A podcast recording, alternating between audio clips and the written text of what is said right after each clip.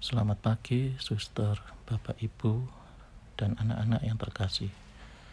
Sebelum kita mengawali aktivitas kita pada hari ini, marilah kita sejenak untuk mendengarkan sabda Tuhan. Marilah kita berdoa dalam nama Bapa dan Putra dan Roh Kudus. Amin. Tuhan, terima kasih Engkau telah menghantar kami di pagi hari yang baru ini.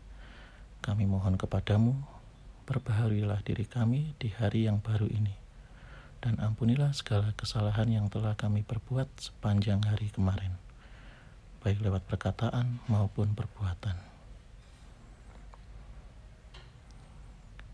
Inilah Injil Yesus Kristus menurut Lukas. Dimuliakanlah Tuhan.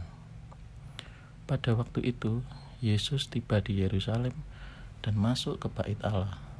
Maka mulailah ia mengusir semua pedagang di situ.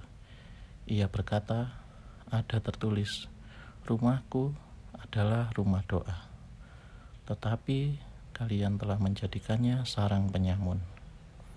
Tiap-tiap hari Yesus mengajar di bait Allah. Para imam kepala dan ahli Taurat serta orang-orang terkemuka bangsa Israel berusaha membinasakan Yesus. Tetapi mereka tidak tahu bagaimana harus melakukannya.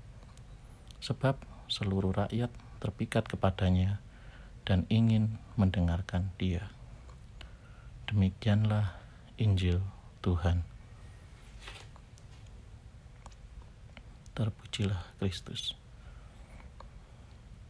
Suster, Bapak Ibu, dan anak-anak yang terkasih, bait Allah setiap manusia ada di dalam hatinya. Di sanalah orang bisa berjumpa dengannya. Maka ketika orang masuk dalam hatinya, tampaklah keindahan. Jika ada seperti kerinduan di sana, itu adalah kerinduan untuk bertemu dengan Allah. Kerinduan inilah yang melahirkan aneka tindakan baik, seperti perhatian pada yang tertindas, tekun dalam tugas, dan tabah dalam perjuangan. Kemudian, untuk berjumpa dengan Allah harus menjadi motivasi utama yang mengisi hati manusia. Hati yang telah subur dan setia dengan syukur dan maaf lebih mudah menjaga kualitas kesucian hati. Hati yang demikian biasanya juga dipenuhi sukacita dan damai. Ia tidak serakah dan semena-mena terhadap sesamanya. Apabila ia berdoa, dia dapat berdoa dengan tenang dan tentram.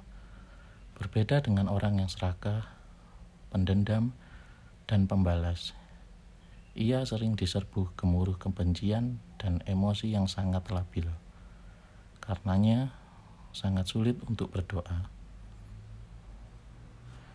Mari kita bertobat untuk membiarkan Yesus dengan kuasa kasihnya mengusir kekotoran hati kita dengan kerahimannya.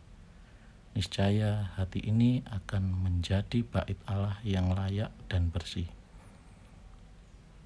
Berbahagialah orang yang suci hatinya, karena akan melihat Allah. Marilah kita senantiasa meluangkan waktu untuk berdoa agar bait Allah kita, yakni hati kita, menjadi tempat perjumpaan dengan Allah. Marilah kita berdoa. Tuhan Yesus, mampukan kami untuk menjaga kemurnian hati sesuai dengan teladan hati kudusmu. Amin.